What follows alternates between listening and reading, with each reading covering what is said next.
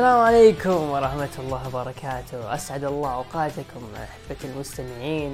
حياكم الله في حلقة جديدة ومتجددة بعد غياب طويل جدا عن البودكاست آه، اللي هو بودكاست ترك الحلبة للحديث عن آخر أخبار آه، وعروض عالم المصارعة الحرة.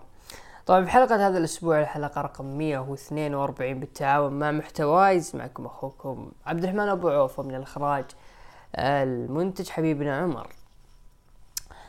طبعا الوضع الحالي أنا في مود زي ما تقول جالس أشغل أغنية إريك بيشوف. I'm back.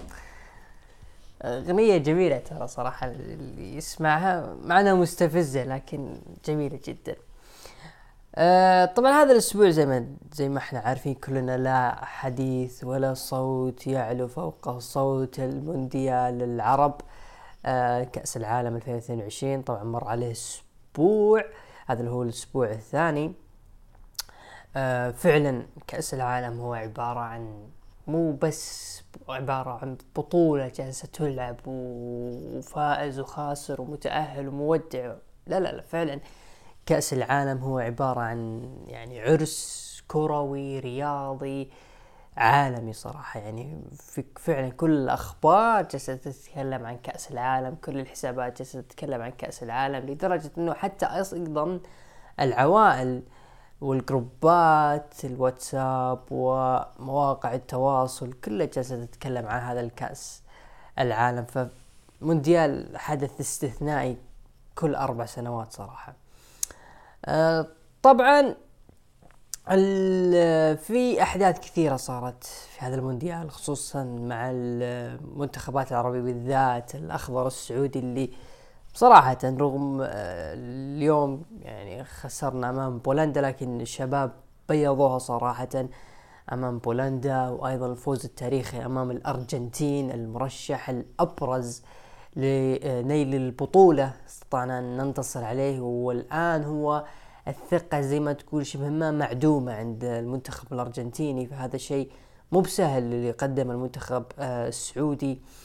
آه أيضا الأداء اللي كان مع بولندا للأسف كان الحظ ضد الشباب آه جدا كان الحظ ضدهم ضياع البلنتي كان يعني مؤثر صراحة وأكثر من فرصة كانت محققة كان بتغير الفارق بشكل كبير. لكن قدر الله ما شاء فعل أمامنا مباراة أمام المكسيك. الفوز ولا شيء غير الفوز. أنا أتمنى منا جميعا إنه نستمر بالدعم المنتخب لكن ما نكبر الكيكة زيادة وزيادة وندعم فوق المستطاع وفوق طاقة اللاعبين. وبالنهاية يعني إن شاء الله ما نقول إنه نخرج خالين الوفاض آه لكن بالنهاية سواء تأهلنا إلى الدور الثاني وبإذن الله راح نتأهل أو لا سمح الله خرجنا في المنتخب صراحة أنا بالنسبة لي هذه أفضل نسخة تابعتها للمنتخب السعودي. آه أيضا شاهدنا خروج مستضيف البطولة منتخب قطر.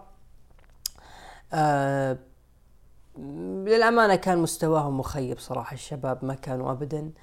مبدعين للأمانة. تكلمت في تغريدة في حسابي على تويتر عن الأسباب اللي أراها.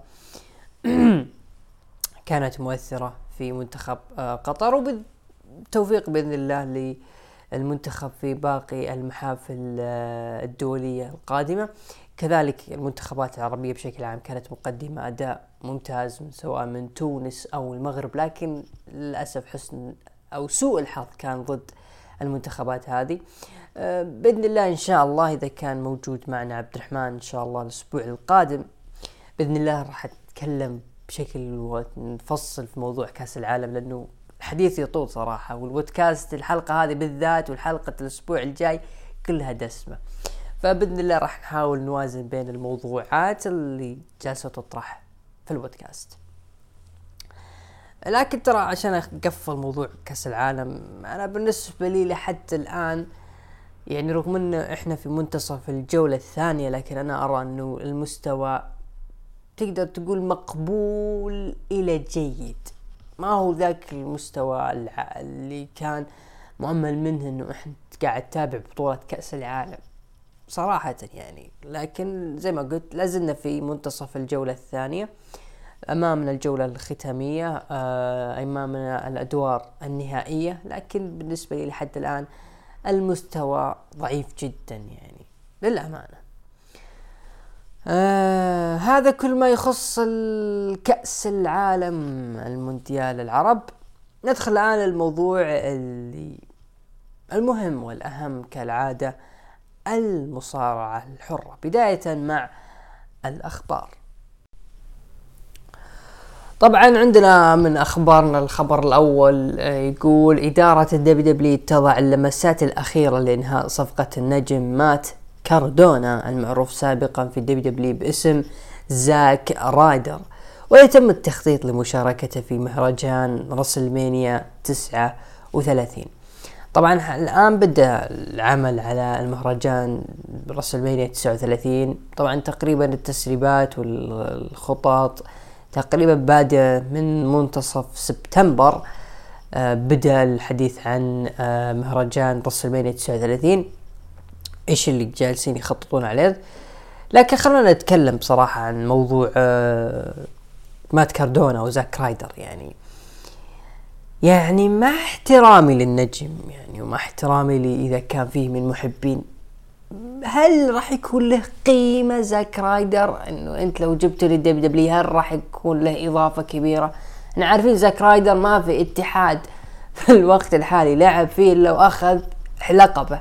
أخذ لقب NWA وأخذ لقب على ما أعتقد GCW أعتقد أخذ حزامهم وكذا حزام indies بس هل هو تطور بشكل كبير؟ هل هو غير من character ه لا بالنسبة لي نفسه ما تغير بس رغم إنه غير الدقن أضاف آه، الكلمات البذيئة نفس أسلوبه أبد ما تغير. هو هو زاك رايدر هو نفسه اللي طلع هو نفسه مات كرتونة في نفس الوقت آه مات كاردونا أعتقد نسبة كبيرة راح يبغى إنه تشيلسي جرين اللي هي آه زوجته أو حبيبته أو إلى آخره من المسميات آه ممكن يبغاها تكون معه في آه الاتحاد. وهي إحنا عارفين يعني هي بطلة آه فرق النسائية في Impact فما أدري هل هي مستعدة تضحي باللقب وباللي جالس يصير لها في الاتحاد علشان خاطر أبو العيال إنه بيروح لل WW ما أعتقد. لكن إذا أنت جالس تجمع لي مات كاردونا وممكن تجمع لي تشيلسي جرين والله أعلم من اللي بتجمع لي وجالس تعطيهم خطط كبيرة في ال WrestleMania وجاي يجيب لي إيما وجايب لي ميا يم وحاليا ما لهم ماني جالس أشوف لهم لهم دور كبير. يعني أنت جاي ترجع العاهات يا تربل إتش حقين 2016 و2017 و2018 اللي أنت جالس تروج لهم بشكل كبير وبالنهاية هم على قدهم صراحة مو جالسين يقدمون ذاك الأداء بصراحة يعني. أنا اللي أشوفه من وجهة نظري تجاه هذا النجوم. آه يعني أنت الآن جالس تقول إنه إحنا ما عندنا roster والمحتاجين roster بأمس بأمس الحاجة لأكبر قاعدة مصارعة. okay لكن ترى الساحة مليانة بالمصارعين الممتازين وممكن تقدم أشياء جميلة منهم. لكن نحترم وجهة نظر تربل اتش أما نحترم وجهة نظر هذه بتجيب لي مشاكل. المهم أعطونا الخبر اللي بعده. والله هذه بتجيب لي مشاكل لكن أنا بالنسبة لي مو مهتم له صراحة. آه مات كاردونا أو زاك رايدر يعني كلنا شفناه في راسلمينيا 33 وكان من مو من الأضعف لكن مو الناس متوقع إنه ممكن ياخذ لقب القارات. وبالنهاية فاز باللقب في البين وجالس يبكي وشفنا له لقاء في W dot com وحالته حاله. بعد 24 ساعة خسر لذا ميز طيب إيش استفدت من اللحظة هذه يا عزيزي؟ Nothing. أه الخبر اللي بعده يقول إنه هانجمان آدم بيج وآدم كول يسير شفاؤهما من الإصابة بشكل رائع ولكن موعد عودتهما غير معروف حتى الآن. طبعا خبر من WON. أه هانجمان بالنسبة لي الاتحاد أكيد في حاجته. الاتحاد الآن في وضع نقدر نقول آه، جيد جدا بالأشياء اللي قاعد تصير له في الفترة الحالية. أنا طبعا أنا منقطع عن المصارعة لسه راجع هذا الأسبوع. وأشوف إنه الاتحاد يعني بالنجوم اللي جالس يقدمهم اللي إحنا كنا نطالب فيهم إنه أعطوهم فرص أعطوهم اهتمام مثل ما تعطون نجوم آخرين. أه وصراحة جالسين يقدمون أشياء أه جميلة. وعلى رأسهم فريق الأكليمد أبطال الفرق الاتحاد. أه قدموا شغل حلو صراحة وفي تفاعل من بين الجماهير رغم إنه ال over كله لبيلي جان لكن آه زي ما تقول it's okay okay. يعني دام انهم مهتمين في هذا الفريق وبيعطونا آه جزء من آه اهتمامهم للفئة لهذا الفريق فأنا أشوف إنه شغلهم ممتاز حتى لو كان الأوفر ليبلي كان فهو بيساعدهم يعني لو تذكر أيام 2018 آه روسف داي وكذلك ايدن انجلش كانوا مسوين شيء كبير في العروض. آه روسف بهتافات الجمهور. وايدن انجلش جالس يساعد روسف إنه يطلع over بشكل كبير رغم إنه دوره محدود في ال over هذا. لكنه كان جالس يقدم شغل على قده بالشغل اللي قاعد يقدمه شيء كويس. فليش لا ما انه يستغلون بيلي جان في هذه آه النقطة.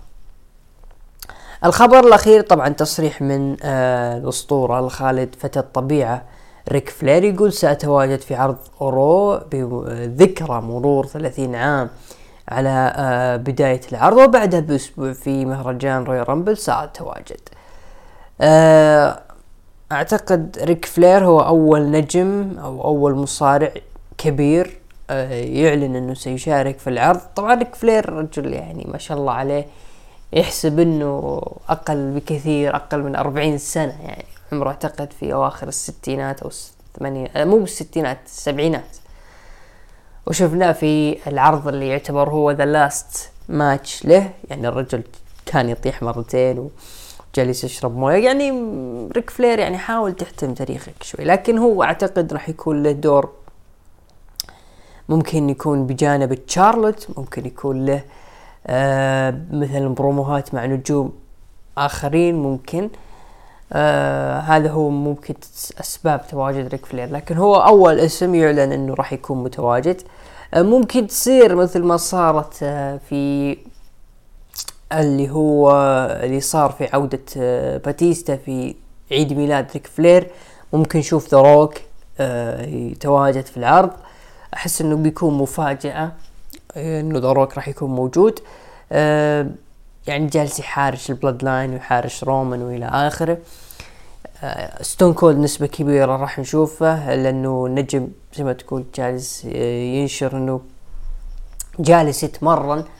فأشياء كثيرة حتى الآن ما في شيء واضح للعرض لكن شفت أنا اللوجو حق العرض بمناسبة ذكرى رو آه 30 سنة صراحة اللوجو جدا أسطوري مأخوذ من رو إز وور فبيكون شيء جميل جدا.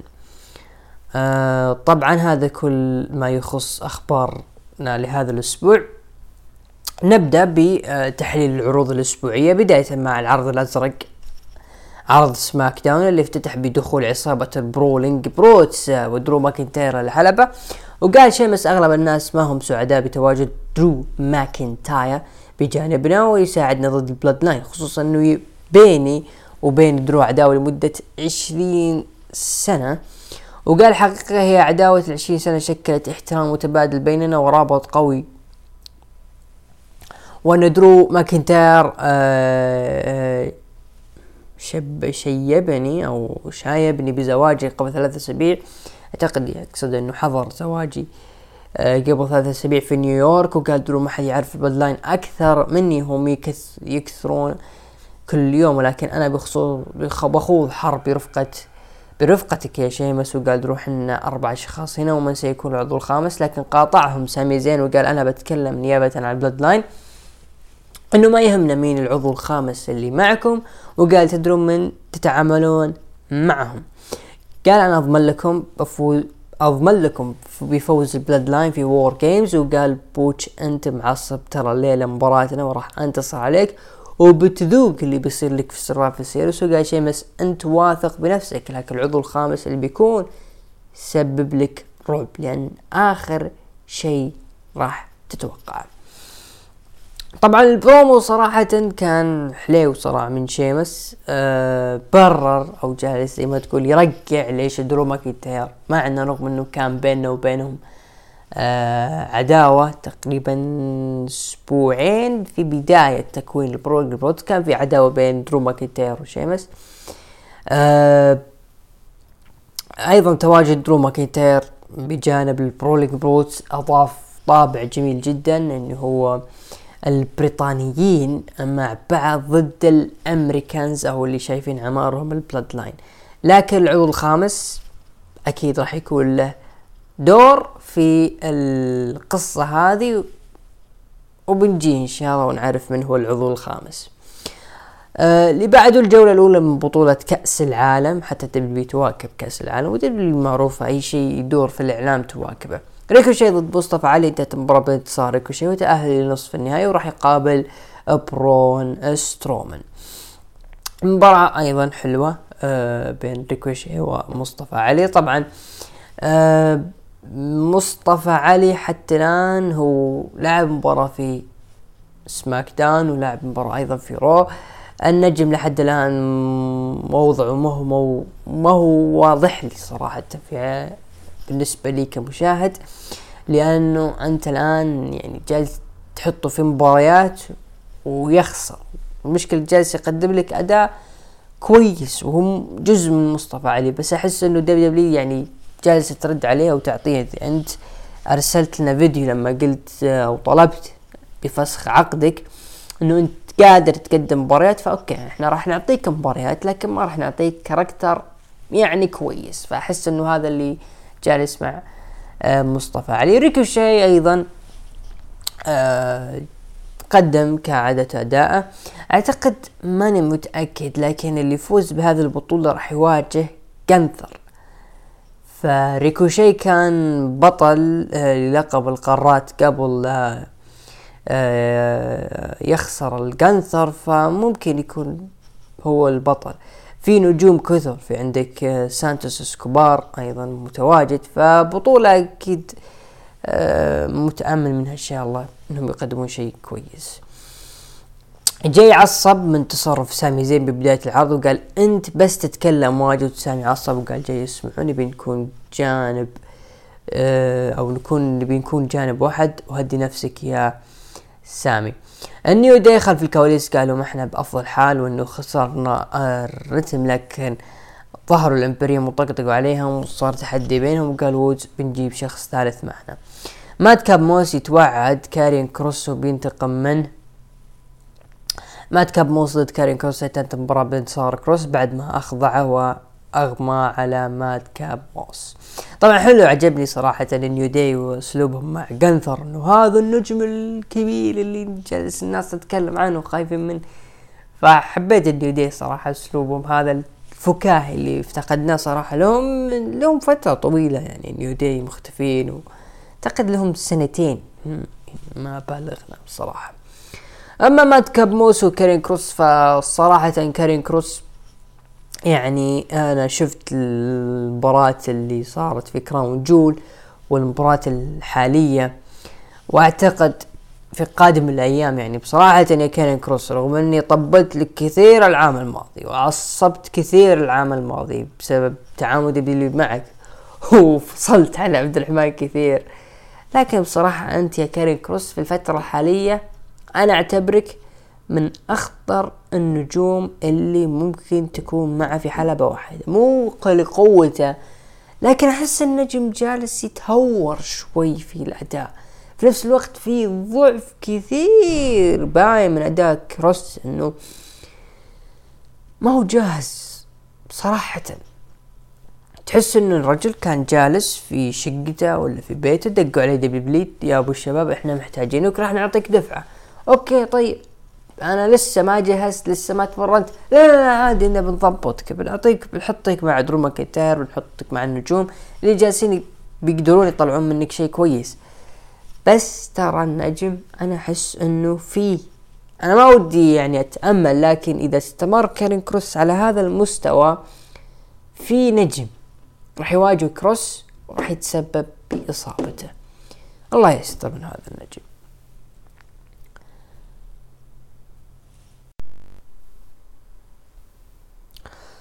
طيب. آه بري وايت في الحلبة وبدأ يتكلم عن التغيير مهم ووجه الكلام لإل اي نايت وقال أنا جيت هنا بعتذر لإل اي نايت وقال جتني لحظة ضعف لكن دقت موسيقى ال اي نايت وقال بقول لك شيء لمدة سبع أيام وأنا أفكر باللي وأنا أفكر باللي سويته ضدي وضرب وضربك لي والآن أنت هنا تعتذر. وهالشيء يسبب حيرة لي وقال في شيء الأسبوع الماضي أنا ما خفت منك لكن حصلت بعض الاخت... بعض الاحترام مني. وتقول إنك فهمتني. أصلا ما حد فهمني ابدا وأنا مو متأكد من مغزى اعتذار لك واضح إنك تحترمني لذا أريد طبعا عطى بري وايت كف وطلع قال أنا الآن الاعتذار بيننا متبادل وكل واحد بطريقه. هل إحنا متعادلين الآن؟ القرار اللي سويته الآن راح يغير حياتك إحنا متعادلين وراح يحاول يصافح ال اي نايت لكن ال اي نايت أعطاه كف برضو وخرج. طبعا بعدين ال اي نايت طقطق على اللي صار ضد بري وايت لكن شفنا شخص مقنع بمكان مظلم يراقب ال اي نايت وطلع العم هودي. طبعا صار في فاصل. بعد الفاصل رجعنا شفنا أشياء طايحة على ال اي نايت ويبدو انه أغضب بري وايت والعم هودي قرر الانتقام. أه بصراحة أنا استغربت يعني الوضع الآن أنه أول خصم لبري وايت أه ضد ال اي نايت وال اي نايت أول خصم له في ال main roster هو بري وايت ففي نقطة مشتركة بين الاثنين اللي هي إنه الاثنين فريق الكتابة مهتم فيهم بشكل كبير بيحاولون يحافظون عليهم بقدر الإمكان بالذات بري وايت اللي جالس يقدم بروموهات الغموض لكن الآن صار إنه يتكلم عن شخص مستهدف اللي هو ال اي نايت وبنفس الوقت ال اي نايت بكاريزمته الطاغية جالس يواجه بري بشخصية بري الجديدة. ففي صراحة في اهتمام صراحة للمشاهد لما يشوف إنه في أشياء شخص ما هو فاهم إيش قاعد يصير مع لكنه مخطط لشخص قادم ونفس الشخص هذا اصطدم بجدار الناس مهتمة فيه كثير والفريق الكتابة مهتم فيه كثير وهو بنفس الوقت أيضا فيه اهتمام لبعض الجماهير له. متأملين فيه فالصدام بينهم بيكون شيء أنا متأكد بإذن الله إنه راح يكون شيء جميل جدا. أه، بخلاف إنه العم هاودي لحد الآن اللغز حقه ما انفك. فممكن بداية اللغز هذه تكون مع ال اي نايت ونفس الوقت ال اي نايت بيحاول قدر المستطاع إنه يستفيد من هذه العداوة يبرز اسمه يقدم مهاراته. اللي جاء اللي يمتلك هذا الرجل من مايك من أداء الحلبة. ربما أداء الحلبة ممكن ما يكون في الفترة الحالية لأنه بري وايت جالس يبني كاركتره أكثر من أنه بيقدم مباراة. ما أعتقد أنه لحد الآن قدم مباراة. لكن بعد البرومو بعد الكفوف اللي شفناها وبعدها شفنا أنه ال اي نايت صار ياخذ راحته في انتقاد بري وايت والطقطق على بري وايت والجمهور مستمتع. يدخل العم هودي. وبعد الفاصل نشوف إنه ال اي نايت انضرب. هذا أيضا جزء غامض.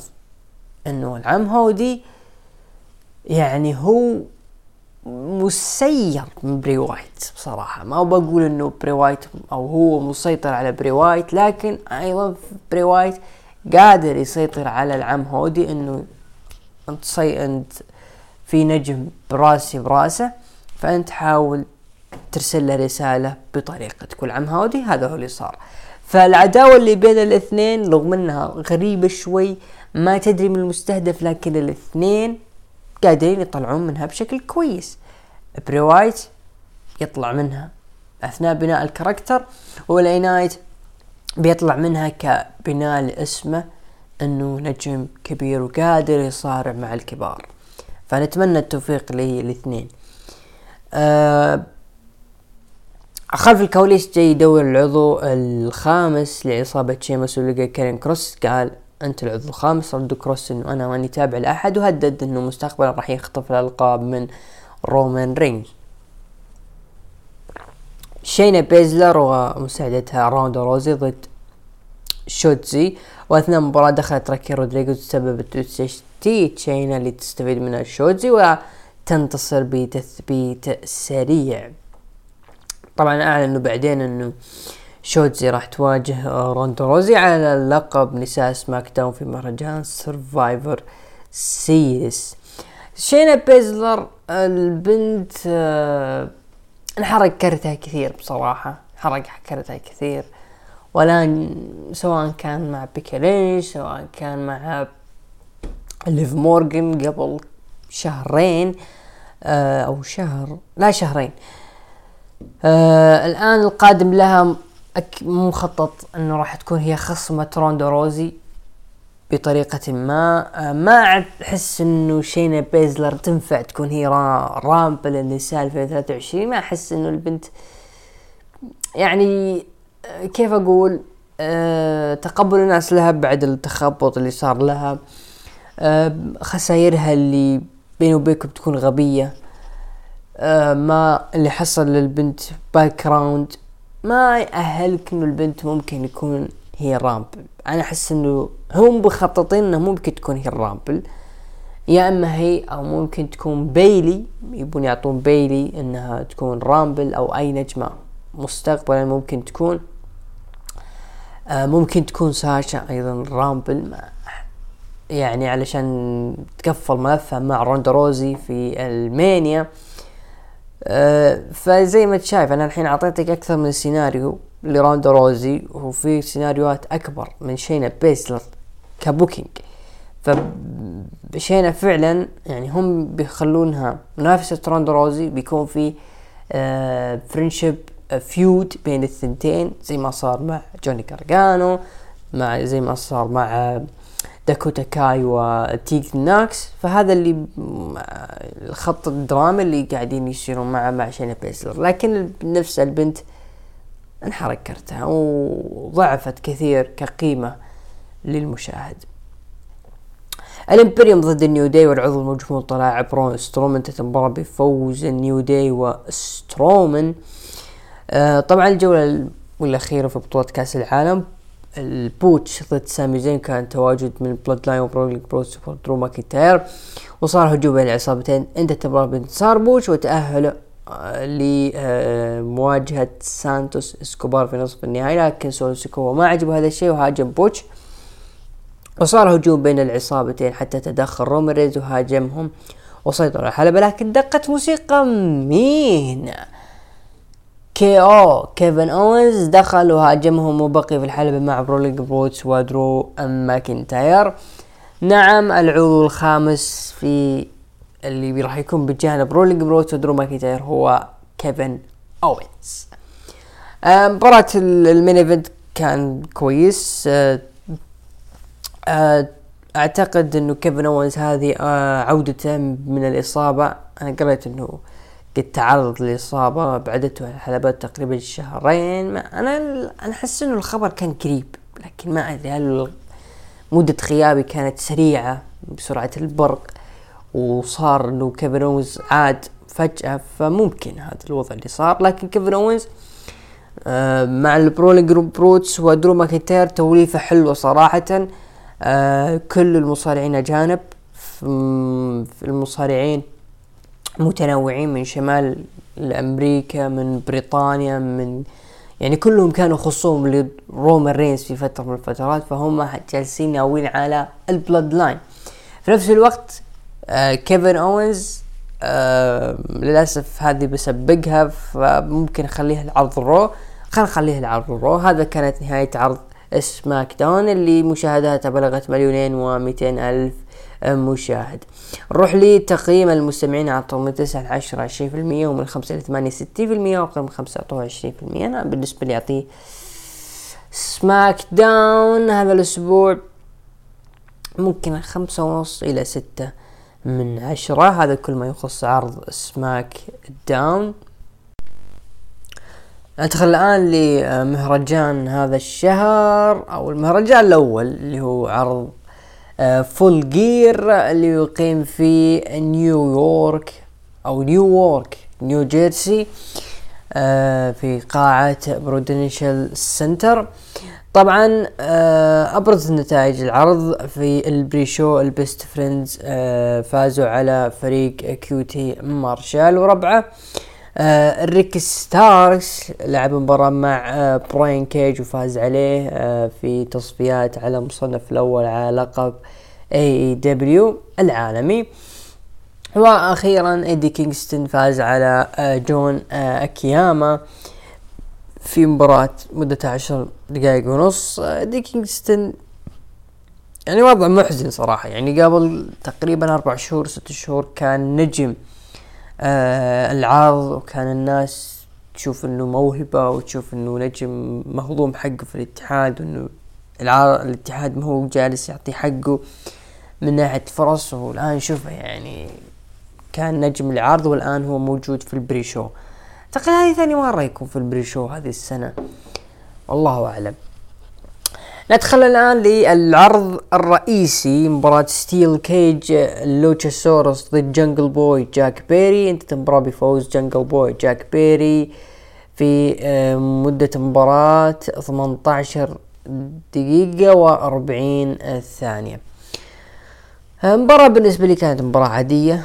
ما يعني حسيت انها مباراة كويسة إلا في spot واحد اللي هو ال Canadian Destroyer اللي سواها جنجل بوي آه اثنين يعني أنا لما شفت كريستيان كيج لما سرق المفتاح و وأخذه وشفنا Luchasaurus طلع هو Jungle Boy زي السلام عليكم يا شباب ترى مباراة steel cage ما هي مباريات مثلا والله Hell in a Cell ولا مباراة lumberjack ولا مباراة آه يعني steel cage معروف. إذا النجم خرج فهو انتصر مو ما انت في حاجة والله انت تطلعون أو تخيرون موضوع خلاص steel cage steel cage إذا عندك قانون معين ل steel cage مثلا عطها اسم معين عطها اسم ثاني وبدل ما تكون steel cage ما عجب ما عجبتني صراحة فكرة إنه لما طلعوا خارج الحلبة عشان والله بس يجيبوا لهم كراسي ولا يجيبوا لهم أدوات عشان تطلع مباراة دموية. وعلى طاري الدم ترى الدم في AEW مبالغ فيه صراحة يعني بس بمجرد ما إنه ضربة عادية عابرة للسبيل أوه طلع دمان الأرض. يعني شوي احترم عقلنا يا أبو الشباب اللي جالسين تكتبون مباريات اي دبليو أنا داري إنه تبغون تطلعون مبارياتكم بشكل كبير لكن شوي يعني مو والله اعطيك كف ولا دمان الأرض طلعت. يعني ما هي بطبيب اسنان ترى. لكن بالنسبة لي ترى مباراة يعني ما ما عجبتني صراحة. في نفس الوقت أصلا عداوة طولت طولت كثير طولت أخذت وقت أكثر مما هي تحتاجه. وأعتقد إصابة Christian Cage كانت هي السبب في زي ما نقول في تمطيط هذه العداوة. هي المفروض تكون Jungle Boy ضد كريستيان. لكن Luchasaurus طرف جانبي بين الاثنين إنه مثلا يقلب على Jungle Boy يقلب على كريستيان. لكن الأساس هو Christian Cage و Jungle Boy علشان يعطي دفعة ل Jungle Boy لكن Christian Cage أعتقد إنه إصابته طولت وهي طولت ترى. أنا رجعت وغبت وظهرت وأبو الشباب لا زالت يد مكسورة. فأعتقد إنه فعلا إصابة Christian Cage هي اللي أثرت على مسار هذه العداوة اللي والله ما ودي ما ماني مهتم فيها صراحة. المباراة اللي بعدها أي مباراة على ألقاب الفرق الثلاثية بين ال Death Triangle يدافعون عن ألقابهم ضد العائدين ال Elite Kenny Omega وال Young Bucks. طبعا المباراة بفوز ال Death Triangle وحفاظهم على ألقابهم. طبعا آه عودة ال Elite كانت عودة جميلة جدا صراحة. قرت عيننا بشوفة Kenny Omega آه العودة كانت حلوة صراحة الإخراج كان جميل جدا. آه تغير الموسيقى حقت ال Elite بدال الأغنية اللي كانت سخيفة صراحة. Being The Elite يعني معليش أنا ممكن في ناس تحب Being The Elite أو تتابعه أو مهتمة فيه لكن معليش أبو الشباب أغنيتكم رخيصة يعني لما تجيبونها في العروض. آه المباراة كانت حلوة. كان فيه آه تفاهم بين ال Bucks واللي هم آه، Bros ال Pentagon وال Rey Fenix. أيضا آه، PAC و Kenny كان بينهم أيضا تناغم. فهو يحسسك انه Kenny Omega ممكن يدخل في سجال مع PAC. ال Lucha Bros جالسين يقدمون نقدر نقول ال tribute أو ذكرى لمباراتهم اللي صارت العام الماضي في All Out اللي كانت جدا أسطورية من أفضل مباريات الاتحاد أنا اشوفها أه فكان فوز ال Death Triangle منطقي جدا. الفريق كان هو اللي شايل الألقاب هذه والجمهور واقفين معهم بغض النظر عن ال Elite. لكن ال Elite كان في فترة آه تواجدهم قبل آه CM Punk. أو الشيء اللي صار مع CM Punk كان مستواهم ترى جدا عادي. Kenny Omega ما كان جاهز. آه ال Young Bucks يحاولون يرمونهم في أي مكان ممكن تستفيد منه فما كانوا بال زي ما تقول تركيزهم 100 لكن لما غابوا هذه الفترة ورجعوا بهذه الطريقة مباراة كويسة. آه الناس تحمست. ناس تحمست ال Kenny ناس تحمست ال Bucks ممكن يقدمون شيء. لكن شيء صاب بعد العرض أو في نهاية العرض لما أعلنوا عن سلسلة بين الفريقين حسيت إنه المباراة هذه اتجهت إلى موضوع الحلب. الحلب.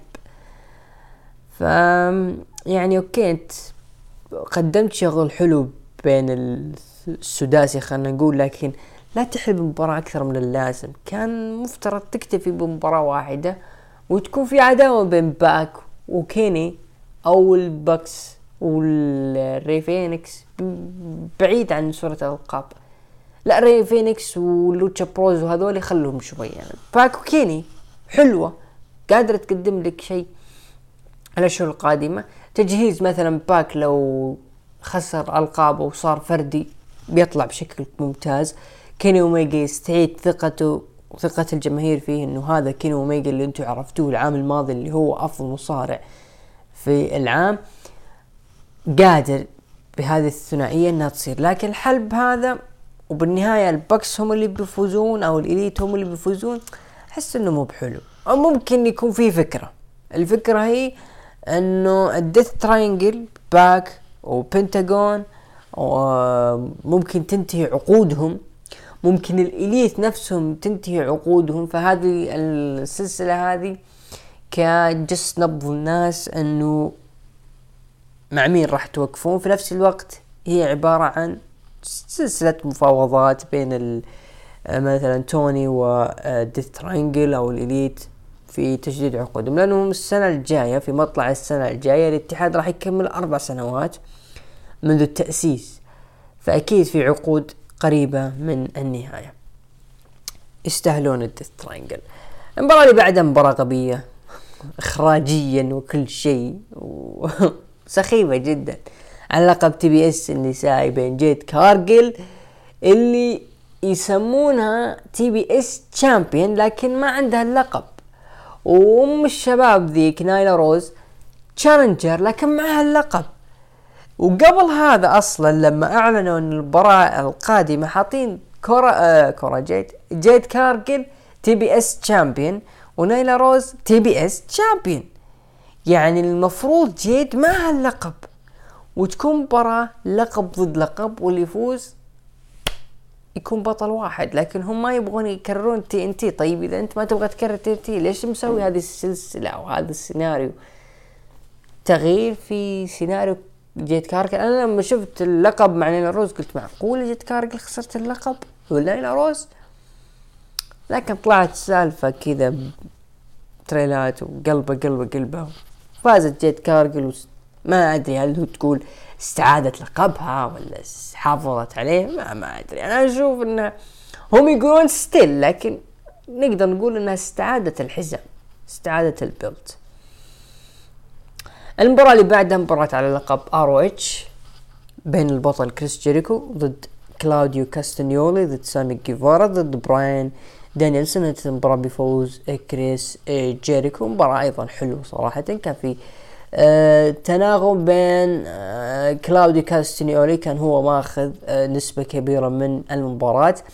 نقدر نقول إنها استعادة ثقة الجمهور في كلاوديو كاستنيولي إنه ترى الإنسان قادر إنه يطلع منه حاجة ممكن ترجعون ثقتكم فيه. آه فوز كريس جيريكو آه يدل على أنه يبغى يحافظ على زخم ROH أنه بطله هو نجم كبير بحجم كريس جيريكو.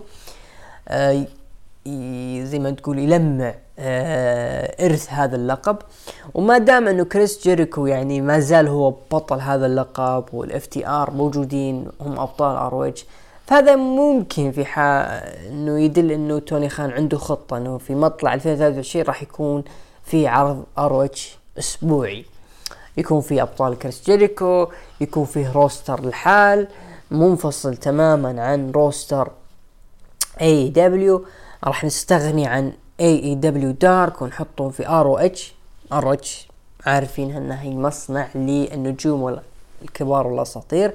وهذا اللي ممكن يكونون شغالين عليه. طبعا في حال كان في خطط لتوني خان بهذا اللقب.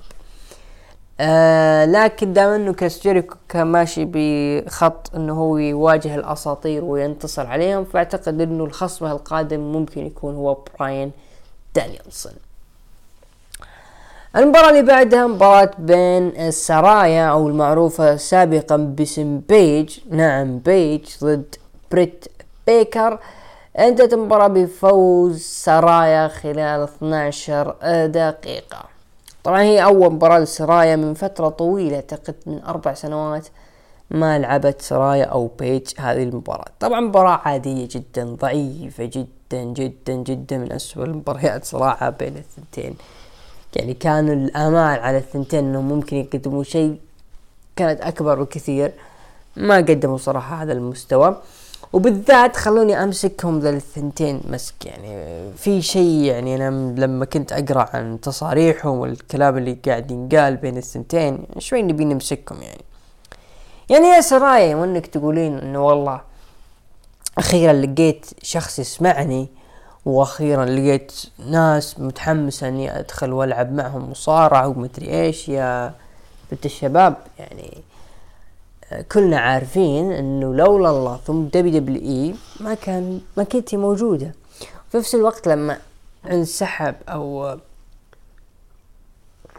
آه آه شو اسمه استقال فينس مكمان أو تم تقاعده آه في نفس الوقت لما أعلن رحيلك عن العرض أو عن الاتحاد قلتي والله شكرا لكم أنتم سمعتوني وأنتم أعطيتوني الوجه. وأنتم اللي لملمتم مراهقة. عمرها 22 وخليتوها بطلة وكل شيء. والنهاية تقولين لقيت أحد أخيرا يسمعني. كمان يا سرايا. نجي للدرجة الثانية بريت بيكر. اللي مخاوية توني شيفاني. جاينا سمعت لها تصريح وبرومو في عرض AEW تقول إنه رغم انه وجودي في الاتحاد ما كمل إلا ثلاث سنوات فقط. ترى ما كملت إلا في الاتحاد إلا ثلاث سنوات فقط لكن خلال هذه الثلاث سنوات كنت قائدة ال roster. طيب يا أم الشباب انتي ترى الاتحاد ما له إلا ثلاث سنوات فعلا. يعني لو قلنا مثلا الاتحاد كان عمره خمس عشر سنوات 11 سنة ومالك إلا ثلاث سنوات. نقول نبلعها انه انت خلال ثلاث سنوات سويتي شيء كبير. كنت بطلة النساء والناس تحب شغلك. لكن تقول لي والله رغم انه وجودي هنا ما له إلا ثلاث سنوات.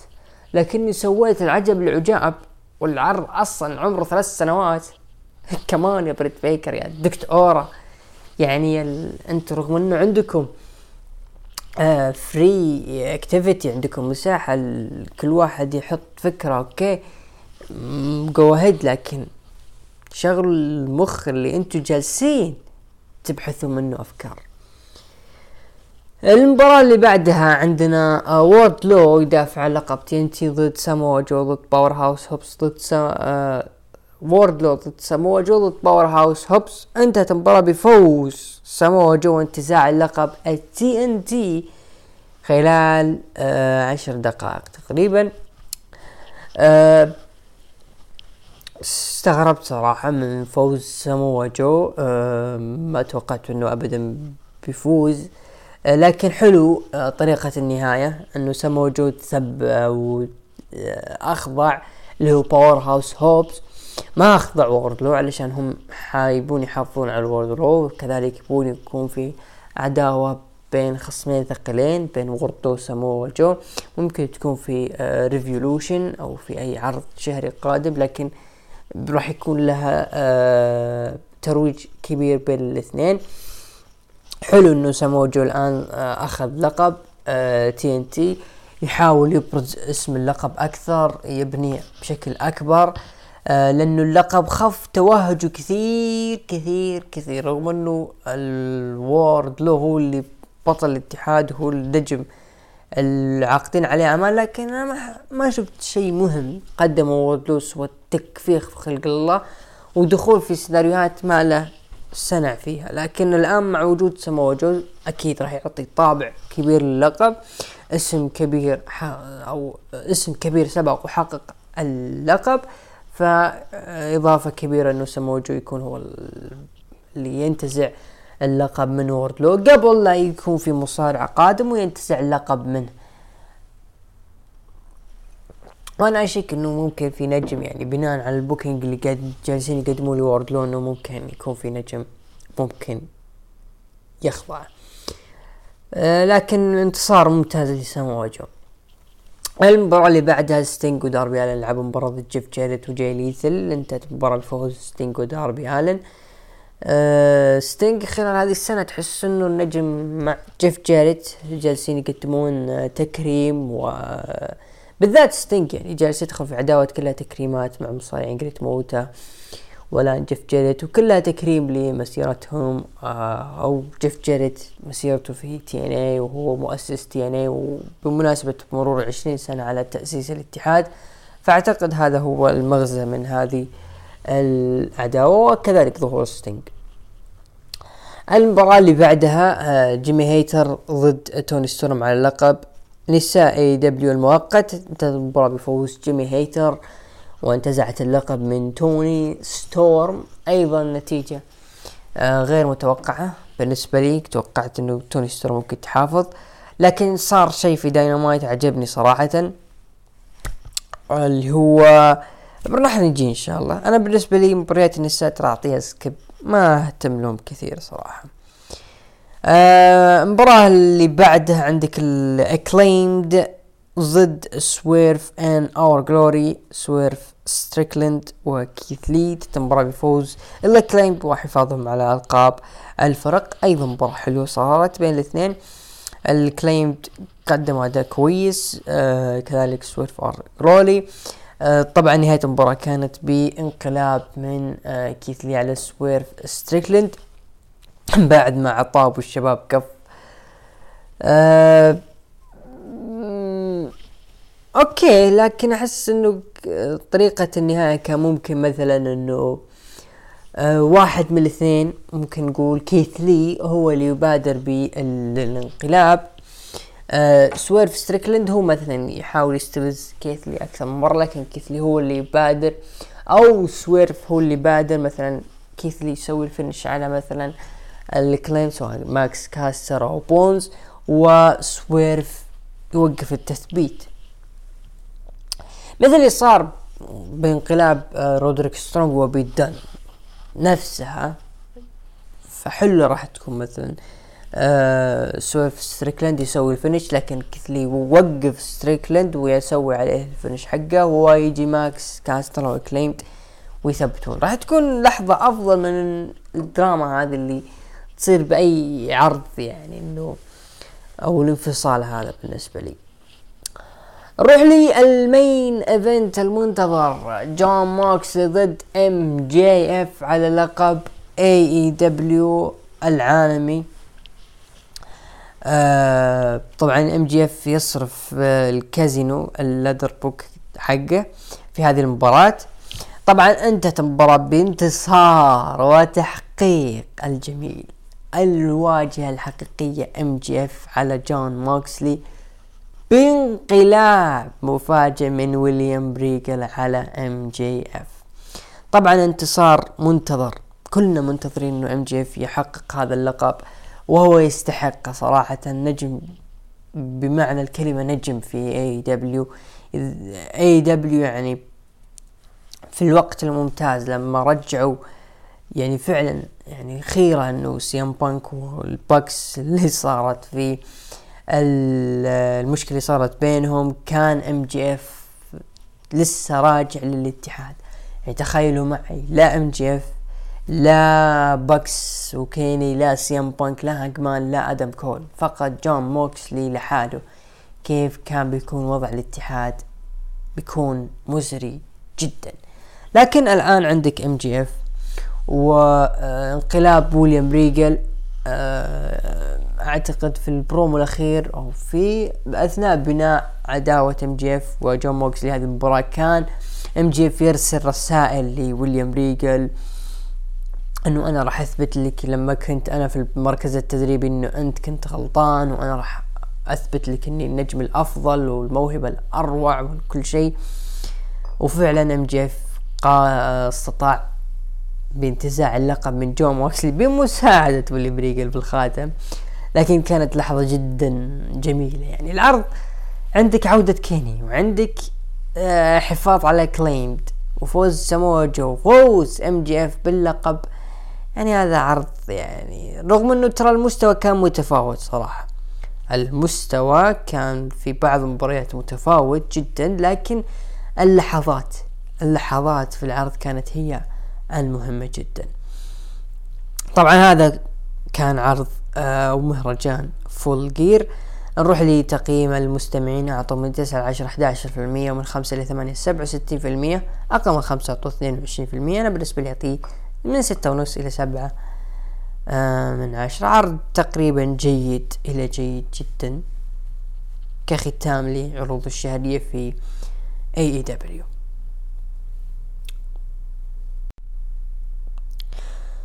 ننتقل الآن لعرض ال Raw اللي يقيم في الباني ان نيويورك افتتح العرض النجم العائد كيفن اونز وتحدث عن عودته في عرض SmackDown انضمام لفريق ال Brawling Brutes ودرو ماكنتاير ضد ال Bloodline في مباراة ال WarGames. قال سامي إنه سامي زين لا زال أخي لكن أنا جيت علشان شيء واحد وهو رومان رينز. طبعا اللي بيننا كان قبل سنتين وأنا كنت أقدر أنهي فترتك قبل لا تبدأ لكن أنا ما أقدر أواجهك الآن لوجود ال Bloodline معك. لكن أنا بروح ل SmackDown مع الفريق وأنا مو بلحالي في هذه الليلة. ظهروا ال Brawling Brutes وتكلم شيمس وليلة السبت بتكون ليلة تاريخية لأن فيها ال WarGames وطقطق على سامي زين. دخل درو ماكنتاير وقال آه يتذكر لما رفع الالقاب ضد Bloodline لكن السبت راح يكون داخل قفصين وحلبتين وبدون قوانين. ودخلوا ال Judgment Day وقالت ريا إنه الشيء الوحيد اللي راح يتكلمون عنه الناس في ال WarGames هو أنا لأن نحن مسيطرين على العرض. وبالر وشيمس صار بينهم نقاش حاد بالإيرلندي وتحدث مباراة بينهم. ال Brawling Brutes آه ضد ال Judgment Day فازوا فيها ال Brawling Brutes بعد مباراة هجوم من بالر على شيمس وال OC كانوا موجودين وجلدوا ال Judgment Day وكيفن عطى فين stunner. طبعا بروم حلو من كيفن أوينز. آه أعتقد أنا قد إذا جاء في عرض Raw أنا راح أقول النقطة المشتركة. إي الممكن مخطط في ال WWE بتواجد آه، كيفن أوينز في آه، بجانب Brawling Brutes ودرو ماكنتاير. هو إنه أنت عندك الآن سامي زين ومشكلته مع Bloodline وعندك الآن رومان رينز. آه، رومان حاليا ما له أي خصم ولا أعتقد هم بيبنون لهم خصم. أعتقد إنه وجود كيفن أوينز راح يضربون فيه عصفورين بحجر. عصفورين بحجر كيفن أوينز. الحجر الأول اللي هو سامي زين. آه أنا والله أتمنى يعني لكن دائما نتمنى دائما نتمنى لكن وجود رومان رينز مثل وجود برون بريكر يعني. آه إنه سامي زين هو يكون هو السبب في خسارة Bloodline هو اللي يتثبت مو رومان رينز مو جي أوسو ولا حتى سولو سيكوا سامي زين هو اللي يثبت. ومن اللي يثبته؟ كيفن اونز وكيفن اونز جالس يتبادل نظرات بينه وبين آه، رومان رينز ورومان رينز في أشد حالات الغضب فيظهروا في Raw ويتكلمون عن السبب اللي دفع ال Bloodline وكيف ممكن يقدرون يخرجون أعمارهم. آه ويشككون في سامي زين إنه هو متعاون. سامي زين يبدأ يضبط نفسه وفعلا يطلع انه هو متعاون مع ال Brawling Brutes ويقلب عليهم. في الوقت نفسه كيفن اونز يحط عينه على رومان رينز ويتحد مع سامي زين. هذه ممكن تكون الفكرة اللي أنا جت في بالي لما جيت أفكر إنه كيف كيفن اونز الآن جالسين بيستفيدون منه وهو أصلا already كان لهم خطط مع آه، سامي زين ومع ال Bloodline ولكن اعتقد بسبب نجاح سامي زين إنهم ما استعجلوا في الانقلاب في نفس الوقت ابتعاد كيفن اونز بعيدا عن الحلبات عشان الناس تتحمس له. هذا اللي أدى اللي إنه تطبق هذه الفكرة في الوقت الحالي.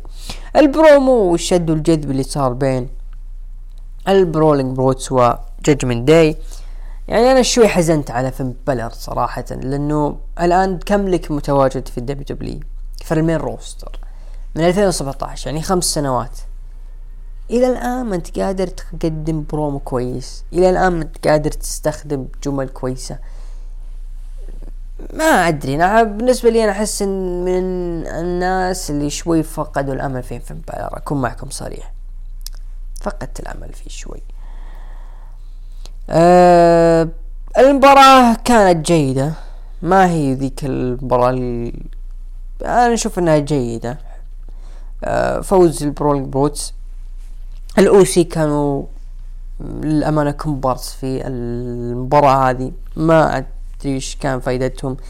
أه ميا يم كانت موجودة وريا ريبلي أيضا كانت موجودة. ليش ما تم استغلال هذه الفت الشد والجذب إنه ميا يم هي اللي تبدأ بالمبادرة؟ مو لوك غالوز هو يبدأ يبادر في الهجوم على ال Judgment Day فهذه شوي يعني ال WWE تفكر في موضوع إنه كيف تستقطب نجوم من خارج ال WWE والناس تعطي آمال. لكن في لخبطة. أحس إنه لا زال في لخبطة في عروض ال WWE تحت إدارة Triple H رغم إنه كل شيء تغير لكن لا زال في لخبطة. آه، مكان إنك تمسك إدارة عروض WWE مكان ما هو سهل. واللخبطة في اللي بعده يعني. اللي بعده عندنا آه، جوني قرقانو دخل بأغنية جديدة وكان من المقرر إنه يواجه ذا ميز لكن خصمه طلع أوموس وفاز عليه. جوني قرقانو طبعا نجم راهنت إنه راح يرجع. في فترة تقريبا الناس تفشت من أخبار إنه جوني راح يرجع جوني راح يرجع ولا رجع. لكن قلت أنا جوني راجع في وقت ما وفعلا عاد. وكان فيه آه، بصيص من الأمل وثقة من الناس إنه تربليتش قادر إنه يسوي شيء مع جوني قرقانو ويغير أه وجهة نظر الناس إنه النجوم اللي يطلعون من NXT قادرين إنك تطلع منهم حاجة بالذات بحجم جوني قرقانو لكن للأسف آه، لا زالت لخبطة. ال WWE موجودة. يعني النجم الآن لحد الآن ما لعبته في أي عرض شهري. أعتقد ما لعب أي عرض شهري. وهذه الخسارة لعب عليه في العروض الرئيسية. وهو أصلا في عداوة طرف ثانوي. العداوة هي أصلا بين ذا ميز وديكستر لومس. هو أضيف طرف علشان ديكستر لومس. ما راح يتكلم كثير على المايك. طيب أنا إيش ممكن أستفيد من هذه العداوة أصلا؟ حق جوني قرقانو جوني قرقانو مو كثير الناس تعرفه مو كثير الناس مهتمة له. لكنه عنده إمكانيات فحطه مع ذميز ممكن يطلعوا منهم حاجة. ذميز أعتقد ما أدري هل هو جته إصابة أو شيء ما أدري إيش وضعه هو حاليا ليش مبتعد لكن والله أنا حزين حزين جدا على وضع جوني. للأمانة حزين يعني. حتى الأغنية تغيرت. هي نفس ماخذين جزء من الكلمات وهابدين لهم كلمات ثانية. واللي غني ما هو مثل البنت ومهرب الهارت. فوضع محزن محزن محزن لجوني قرقانو. محزن جدا. video package ل اوستن ثيري آه، في مقابل على الهواء ظهر بطل ولايات سيث رولينز وقال إنه محظوظ ليواجه بوبي لاشلي أو أوستن ثيري. هو قدر يفوز على بوبي وحطم أوستن ثيري وهو أغبى شخص واجه يقصد أوستن. وأنت تقدر يا أوستن تسأل كودي رودز كيف يعيد تأهيله. رغم إنه المباراة ما هي War Games لكن أنا أعتبرها حرب وراح أطلع منها منتصر. ثيري كان يشوف المقابلة وقال يا سيث أنت ما تفهمني ولا أحد يقدر يفهمني. وراح تشوف ردي عندما أواجه مصطفى علي. طبعا واجه مصطفى علي وفاز أوستن ثيري بوبي لاشلي خلف الكواليس قال انتظر يا أوستن ادخل ودخل بوبي لاشلي قال إنه حطم أوستن لما صرف الحقيبة على لقب الولايات لأنه أنت ما تستاهل ولا زلت في وضع الطفل. قال أوستن أنا ما أستاهل وفي وضع الطفل بعد. أنا أنت خربت علي لأن أنت ما تقدر تسوي شيء. بعد ما جلدك الوحش بروك ليزنر ورحت للقب وما راح تطلع بالشيء بال Series لأني راح أطلع من بطل المرة الثانية وصار في هواش بينهم. طبعا سيث رولينز كعادته يعني ما ودي أتكلم عن سيث لأنه هذا شيء خاص يعني نجم نجم السنة بالنسبة لي سيث رولينز لكن صرف الحقيبة على لقب الولايات. حزني كثير. حزني كثير آه لما سمعت إنه تم صرف الحقيبة من أوستن ثيري لكن على لقب الولايات لا وخسر الفرصة هذه.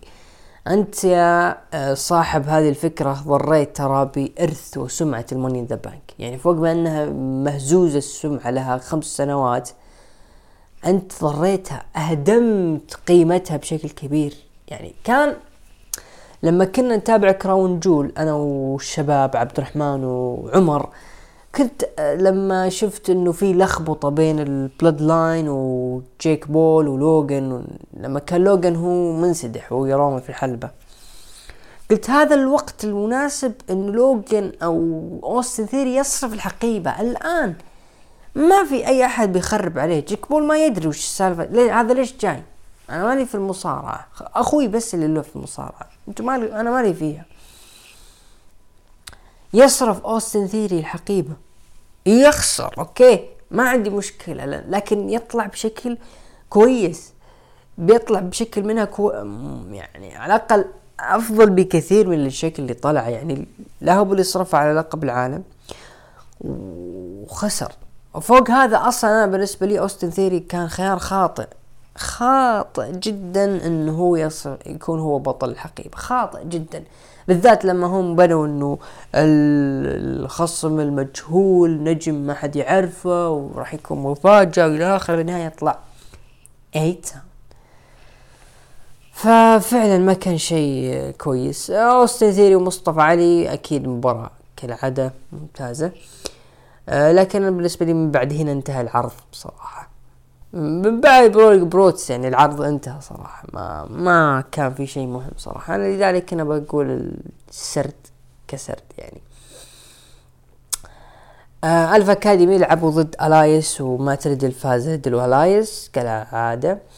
آه بارين كوربن JBL كانوا يلعبون بوكر. دخل عليهم درو ماكنتاير قال JBL تدري درو كنت راح تخسر لو كنت مع بارين كوربن في WrestleMania آه قال درو أنا أحترمك ولكن بارين كوربن. video package عن مباراة Survivor Series أو مباراة ال War Games اللي عرض Survivor Series أو مهرجان Survivor Series Survivor Series مهرجان كبير. آه، مباراة بين كوربن درو ماكنتاير فاز درو ماكنتاير.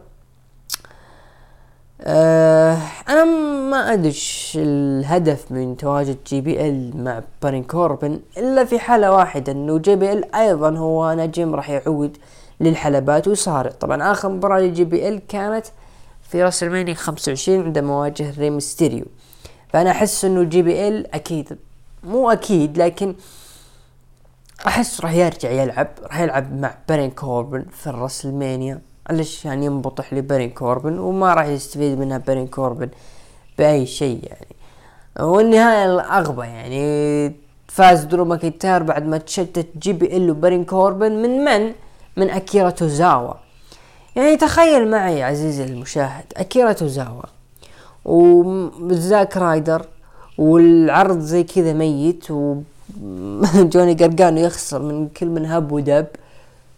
ويجيك والله إحنا ما عندنا roster. بتابع العرض؟ أكيد لا. اللي بعد ال OC أيضا كانوا فاضيين الشباب. وكان يتكلم ستايلز عن فين بالور لكن دخلوا ال Judgment Day وتجالدوا فيما بعد.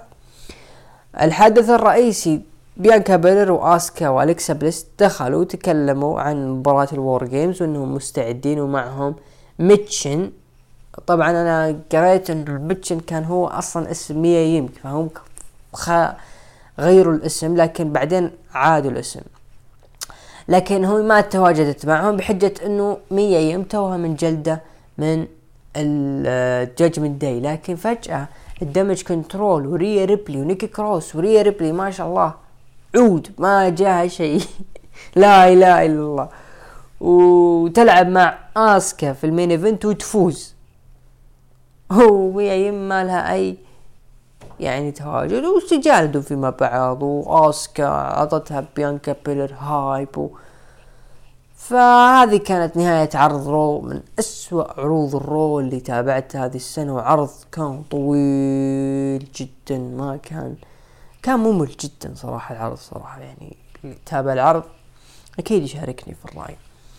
التقييم المستمعين أعطوا من تسعة طبعا المشاهدات بلغت مليون وستمية وستة وأربعين ألف مشاهد. التقييم أعطوا من تسعة لعشرة أربعتاش في المية ومن خمسة لثمانية أعطوا واحد وسبعين في المية وأقل من خمسة أعطوا خمسة في المية. أنا بالنسبة لي أعطيه أربعة من عشرة. معليش العرض كان عادي جدا. آه هذا كل ما يخص عرض الرو. نروح الآن لعرض NXT اللي بدأ بدخول عصابة Toxic Attraction بقيادة بطلة نساء NXT ماندي روز. وقالت ماندي روز إنها هي الملكة الوحيدة في NXT آه وأنا بدون مساعدة من صحباتي أنا آخر مرأة صامدة. والآن يجب من إدارة NXT انها تسوي مباراة جديدة اسمها Iron Man Survivor Challenge لخصمتي القادمة وانه بشوف ال Deadline قرب اني بشوف من خصمتي القادمة لكن بعد Deadline ما في واحدة تقدر تاخذ اللقب مني. وقال جيسي جين إحنا بنركز نكون بطلات فرق لثالث مرة وقالت جيجي دولن ركزوا يا كاتانا وكايدن. إحنا فريق حقيقي وكل واحدة يتفق إنه Golden Attraction لكن دقت موسيقى كاتانا وكايدن قالت كايدن اخرسوا وأنا مليت من اللي تطالبون فيه. وقالت ماندي لو عندك مثلنا لك حق تطلبين اللي تبينه. وقالت كاتانا سبب فوزك واحتفاظك باللقب سبب ايلا دون وقال مالكم وقالوا مالكم فرصة تفوزوا بلقب الفرق وصار هجوم بين الفريقين و Toxic Attraction جلدوهم. آه فكرة اللي هي Iron Ma أو Iron Survivor Challenge كويسة. آه هم راح يعلنونها إن شاء الله الأسبوع القادم. آه واحدة بتكون للرجال والأخرى بتكون للسيدات. أو النساء. أه هل الرجال ما ندري هل هي بتكون لها فائدة لأنه بالأخير برون بريكر هو اللي بيأخذ اللقب لكن ممكن تكون أه فرصة أخرى ل أه إليا دراجونوف إنه ممكن هو اللي يأخذ اللقب. أما بالنسبة للنساء فما في بالي واحدة حاليا صراحة والبرومو اللي بينهم برومو روتيني صراحة. بمواقف السيارات توني دي أنجلو قابل بطل شمال أمريكا ويسلي وقال ما نسيت باللي سويته وقال ويسلي بعد ما أخلص من كارميلو تعرف وين تلقاني؟ يقصد إنه قابلني في الحلبة آه جريسون وولر يطقطق على دوك هدسون وقال مستحيل أنت هدسون كذا وطقطق عليه وقال هدسون هذا أنا وإذا خطيت على فرقتنا تراك تخطي وضحك وولر وقال Chase U وخرج آه كورا جيد ضد ويندي تشو انتهت المباراة بانتصار كورا جيد بعد ما تشتتت ويندي تشو بعصيرة وسكبت على وجهها. آه video package لي ابولو كروز يتكلم عن هدفه القادم وهو لقب NXT والانتصار على برون بريكر. طبعا أبولو كروز كان من مقرر إنه هو يكون خصم آه الاخونا في الله. لا والله مو بأخونا في الاخاسي آه برون بريكر. وخلق الله على قولتهم. خلق هو خلق الله. برون بريكر. لكن بسبب صارت في استعجال من ناحية الكتاب إنه هو واجه آه، كاميرون جرايمز. وبعدها جاء إليا دراجونوف وبعدها جيدي ماكدونا. فتم السحب زي ما نقول على أبولو كروز. ولكن المفروض أبولو كروز هو اللي يكون خصم برون بريكر. طوال هذه الفترة هو يكون هو الخصم ياخذ ويعطي معه ويقدمون مباريات ويقدمون أداء. آه علشان يحافظ على إليا ويحافظ على جيدي ويحافظ على كاميرون لأنهم الآن هو إليا ما استهلك وجيدي شوي استهلك كاميرون شبه ما تستهلك تماما وهو الآن غائب. لكن أبولو كان من المفترض يكون هو الخصم القادم. أه هل بيكون له فرصة إنه ممكن يفوز على برون؟ نسبة. تقريبا خمسة في المية. أنا أحس برون اللي قادر إنه ينهيه هو إليا الدراغونوف والأيام بين إن شاء الله في Stand and Deliver. خلف الكواليس خافير برنار قال أنا لقيت أسماء بقابلهم وعطى ماكنزي ورقة وقال أسماء حول ألف آه وقالت ماكنزي أول اسم اكسيوم وهو مصاب. قال خافير أما للحين مصاب وطقطق على بقية الأسماء الموجودة من الرابر دريك وما عجبه. آخر ألبوم. يعني خافير برنار تقريبا نسخة من جليس والله أن هذا يحاول يكون كوميدي وهذاك آه ماخذ وضع جدي بزيادة. جريسون وولر دوك هودسون يشجع فريق Chase U وظهر ال Pretty Deadly وطقطقوا على دوك هودسون و Chase U قالوا متى تتخلص من لبسك السخيف وترجع لي هودسون المعروف. صحيح ما كنت هذاك المستوى بس يعتبر أفضل لكن هودسون عصب وهجمهم. صدق مستغرب ليش دوك هودسون انضم لل Chase U يعني. هل كان في شيء بينهم سابقا؟ آه ما أدري ليش انضم صراحة. نشوف إن شاء الله أبو دحم إذا جانا الأسبوع القادم نأخذ العلم منه. كيانا جيمس ضد إيفي نايل إثناء مباراة فالون هينلي شتت كيانا جيمس انتهت المباراة بانتصار إيفي نايل بالإخضاع بعد المباراة هجوم من فيلي هينل على كيانا جيمس. آه ظهر ال Creed Brothers وعزوا لإيفي نايل وانتصاره وحددوا سانجا وفير. آه فيديو package المصارع آيلا دون تتوعد فيها ألبا فاير. تقريبا أحس إنها ماخذه من ألبا فاير كثير يعني. كرسوم آه، شخصيا نارية وإلى آخره. خلف الكواليس دوك هودسون دخل على أندري تشيز وقال جبت لك مباراة على القاب الفرق ضد Pretty Deadly وما صدق خبر أندري تشيز قال ليلة ليلتنا. ظهور أول مصارع سكريبتس آه سكريبتس لعب مباراة ضد واحد اسمه راج وانتهت المباراة بانتصار سكريبتس. طبعا آه على كلام الناس إنه سكريبتس كان مروج له انه بيكون مصارع كبير ومصارع مهم وشون مايكلز يقولون إنه يمدحه. بالنهاية طلع المصارع. لما شفت لمحات وجهه وحركاته عرفت إنه ريجي خوينا اللي كان موجود في 24 7 يعني جابوا له شخصية جديدة وشخصية جادة ومقنع وحالة ام حالة مقنع ويتشقلب كل شيء. يعني ريجي كان كويس. يعني كان مقدم أشياء حلوة كشقلبات بس ما عنده إلا شقلبة الصراحة. لكنها كانت شقلبة حلوة يعني. لكن دام إنه سكريبتس وماخذ وضع جدي والله ما أستغرب إنهم يحطونه مع هذاك السمين الله لا يبلانا. سكيزم في الحلبة وقال جو جيسي هذا الأسبوع عندنا شيء يخص عيد الشكر كل واحد من العصابة يتكلم عن عيد الشكر لكن أيفا جابت شخص الحلبة وقالت جيسي الليلة هو يوم عطلة. وانت الجسر وابيك توقف معي والليلة نوقف مع بعض وحنا سكسم نشكر آه لك تواجدك ولتحضيرتك ولكن نجلد من جو جيسي وكسر الطاولة عليه. يعني هذا عيد الشكر الله يهديكم. يا أخي ملاحظ كثرت في ال WW العصابات اللي يكون فيها فرد آه، طرف نسائي ولا الطرف النسائي يكون هو ماكل الجو. يعني عندك الآن Judgment Day في ريا ريبلي وال OC عندها ميا يم.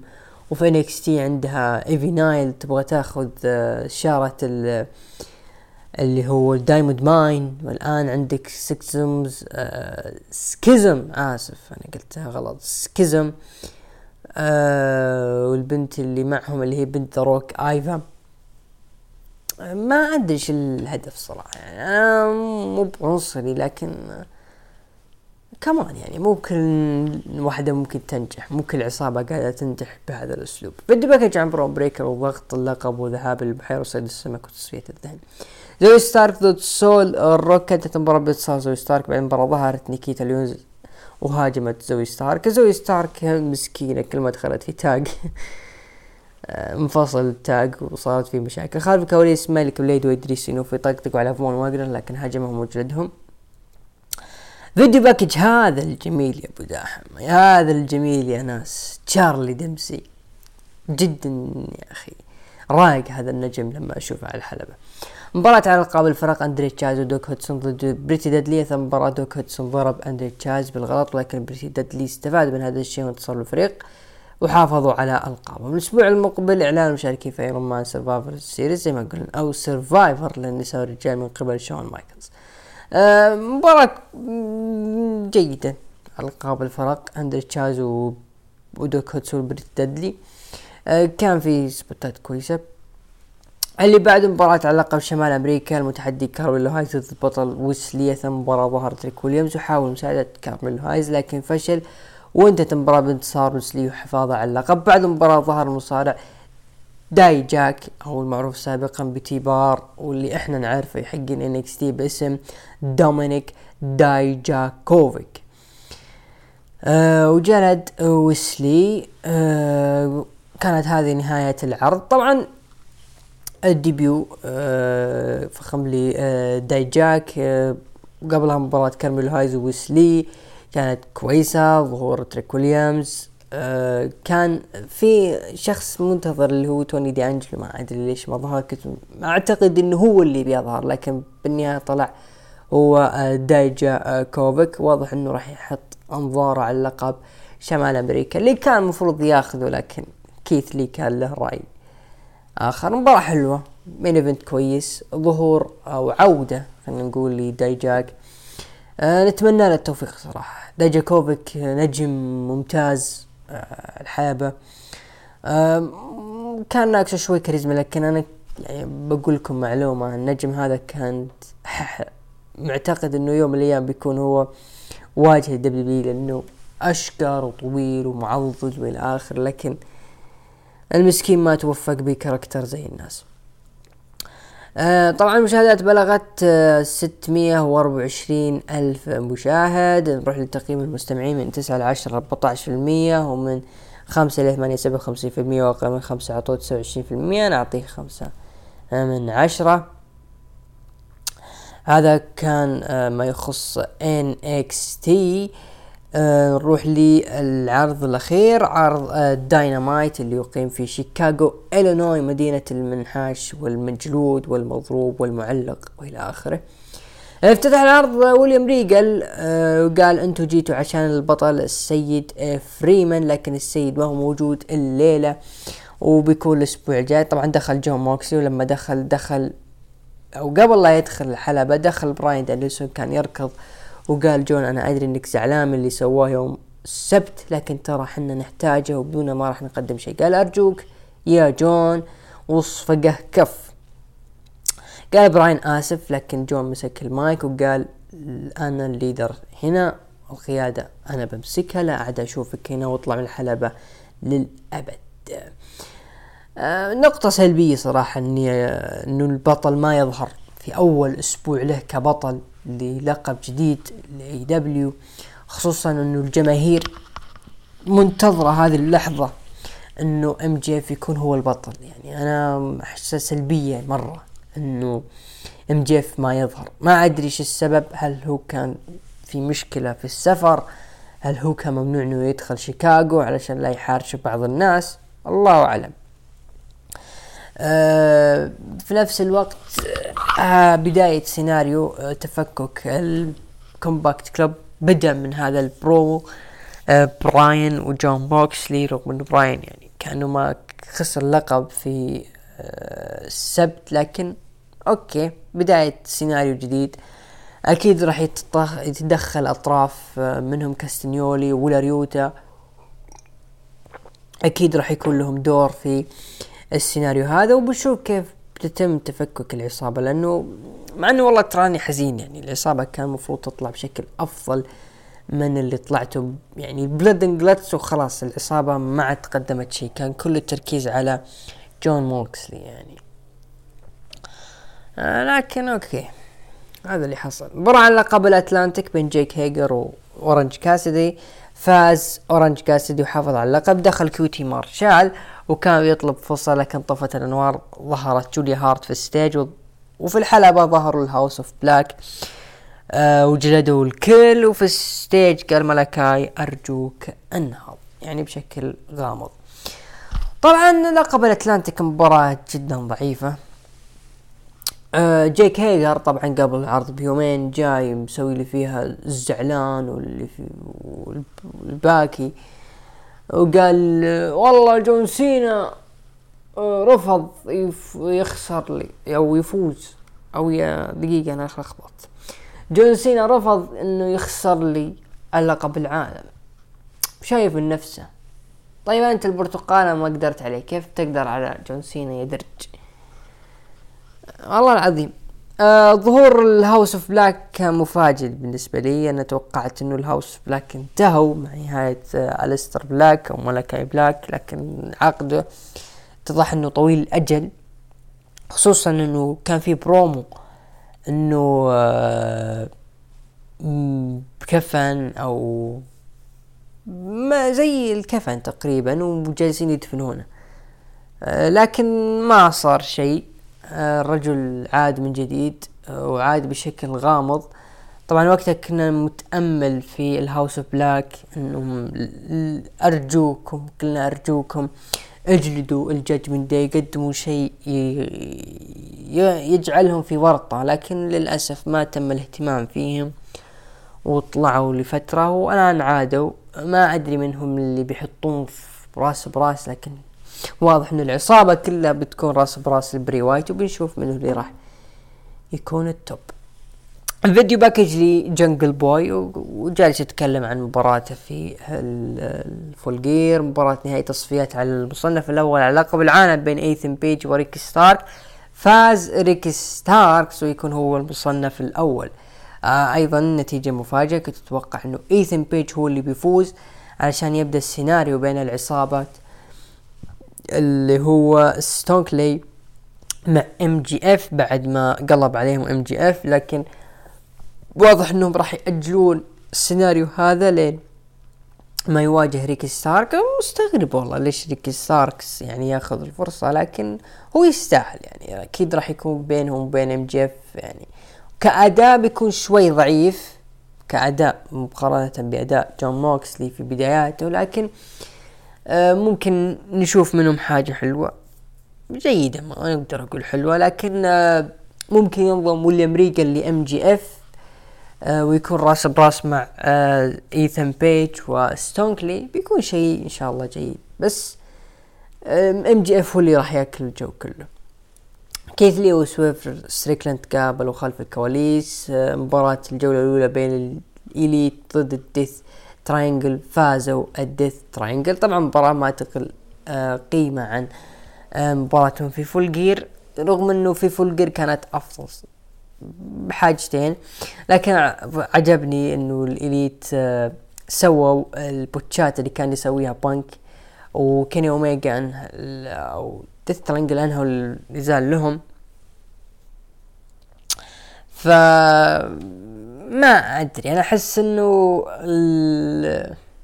ممكن بانك يكون له عودة ممكن. أنا أحس لأنه زي هذه قد صارت لما كان كودي لو تذكرون قبل آخر أيام وكان يقول كان يجيبون له طاري الرامبل كان يضحك باستهزاء. أنا أظهر في الرامبل اتقوا الله في أنفسكم. وبالأخير ظهر. فهذه ممكن تكون يعني okay وخلنا نطقطق على بنك لأنه بنك already ما راح يرجع ومدري إيش وبالوقت اللي يرجع كيني أوميجا لصورة الألقاب يظهر بنك. أنا أحس الوضع بيكون كذا يعني الدراما وفي النهاية بتكون كذا. رينيه باكيت أعلنت رسميا انه اللقب توحد وصار لقب واحد ورحبت بالبطلة جيمي هيتر وجت بتصرح لكن بريت بيكر قاطعتها وشكلتها وقالت دعي البطلة. مباراة فرق بريت بيكر وجيمي هيتر ضد أنا جاي وتاي ميلو ضد سكاي بلو وواحدة اسمها ويلو نايتنجيل. فازت بريت بيكر أو فازوا بريت بيكر وجيمي هيتر. طبعا آه قرار جدا صعب انه اللقب يتوحد. خلاص آه توني خان أعتقد تعلم من سالفة بنك وسالفة لقب المؤقت إنه ما منها فايدة.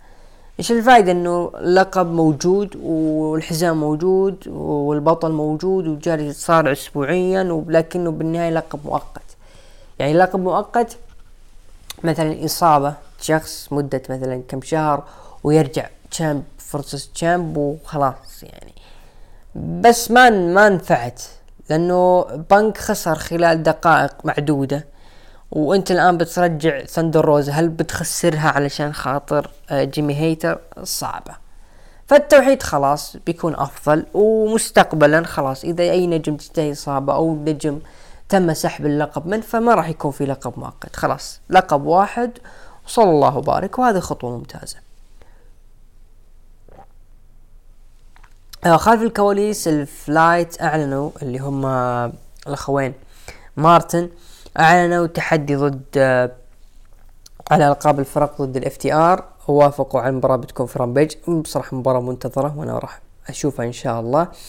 ابطال الفرق الاكليمد دخلوا واحتفلوا بحفاظهم على ألقابهم وإنهم سعيدين بالانتصار. لكن ظهر جيف جيريت في الشاشة وجي ليثل وإنهم زعلانين من خساراتهم في فول جير.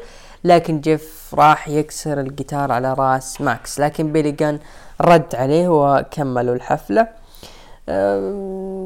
ما زلت مستمتع بالاكليمد آه، بتفاعل الجمهور لكن ترى البرومو ترى كان ضعيف صراحة. أه وما أدري ليش جي ليثل وجيف جيريت هم اللي راح يكونون المصنف الأول على ألقاب الفرق رغم إنهم خسروا مباراة نقدر مباراة شرفية ضد ستينج وداربي آلن. يعني ستينج وداربي آلن ما لهم أي فائدة من الانتصار اللي سووه فهذا شيء محزن صراحة للنجم. سواء داربي آلن أو ستينج الحدث الرئيسي طبعا قبل الحدث الرئيسي أبو الشباب ما قصروا أعلنوا إنه لقب آه، أو بطل ار او اتش كريس جيريكو راح يظهر في رامبيج آه، أو رامبيج قبل الحدث الرئيسي بكم دقيقة يعني آه، واضحة. مباراة على اللقب ار او اتش بين توموهيرو إيشي ضد كريس جيريكو فاز كريس جيريكو وحافظ على اللقب. مباراة كويسة. كان في تناغم ممتاز بين الاثنين توموهيرو ايشي وكريس آه، جيريكو. واستمرار حفاظ كريس جيريكو زي ما قلنا في بداية لما حللنا فول جير علشان إذا كان في فكرة إنه لعل وعسى ار يكون أول بطل يفتتح اللقب هو آه كريس جيريكو. طبعا هذه نهاية عرض اي اي دبليو دايناميت ما آه صراحة تطرق من المشاهدات. أه تقييم المستمعين عطوا من تسعة لعشرة أربعة وأربعين في المية ومن خمسة لثمانية عطوا ستة وخمسين في المية. ما حد أعطى أقل من خمسة. صراحة العرض جيد صراحة واستمتعت فيه. يعني لا أخفيكم استمتعت فيه. أنا بعطيه مثل عرض سماك داون ستة ونص أه من عشرة. نروح لي عرض الأسبوع. عرض الأسبوع سماك داون أخذ سبعة وخمسين في المية عرض الرو أربعة عشر في المية NXT صفر. واي داينامايت اعطوه تسعة وعشرين في المية الله يعزل من انكس صفر يا ناس. أه طبعا أنا أروح مع المستمعين إنهم أعطوا عرض سماك داون أه عرض الأسبوع نظرا لعودة كيفن أوينز. نروح الآن لعرض آه ونستعرض كارد مهرجان سرفايفر سيريس اللي راح يكون برعاية الوور جيمز وناس كثير ترى إنه هذا هو بداية عرض سر تربل مع قانون هو عارفه. المباراة الأولى team آه بيانكا بيلير. طبعا العرض راح يكون يوم السبت في أمريكا يوم 26 نوفمبر يعني بعد بكرة إن شاء الله. اللي يوافق يوم الأحد عندنا. آه أو بكرة آسف بكرة. آه طبعا المباراة الأولى عندنا team بيلير بيانكا بيلير أليكسا بليس آسكا ميا يم وخصم مجهول. أعتقد إنها ممكن تكون ساشا بانكس كون إنه العرض راح يقام في بوسطن ماساتشوستس في الديرة عندنا. ضد فريق بيلي اللي هم دامج كنترول بيلي داكوتا كاي وايو سكاي ومعهم نيكي كروس وريا ريبلي أعتقد اللي راح يفوزون ال team المكروه فريق بيلي.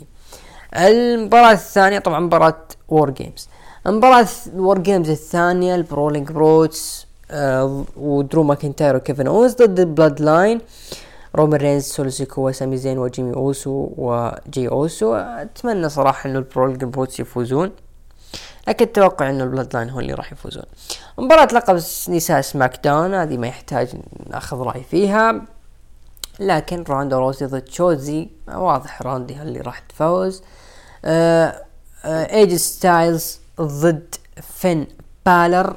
أعتقد اللي راح يفوز آه إذا قلنا إنه الفريق المكروه راح يفوز على مية يم فواضح إنه ايه جي ستايلز هو اللي راح يفوز على فين بالر. آه مباراة ثلاثية على لقب الولايات المتحدة سيث رولينز ضد بوبي لاشلي ضد أوستن ثيوري. أعتقد حفاظ سيث رولينز على لقبه. هذا كان card عرض السرفايفر سيريس وإلى هنا نصل إلى ختام حلقتنا لهذا الأسبوع.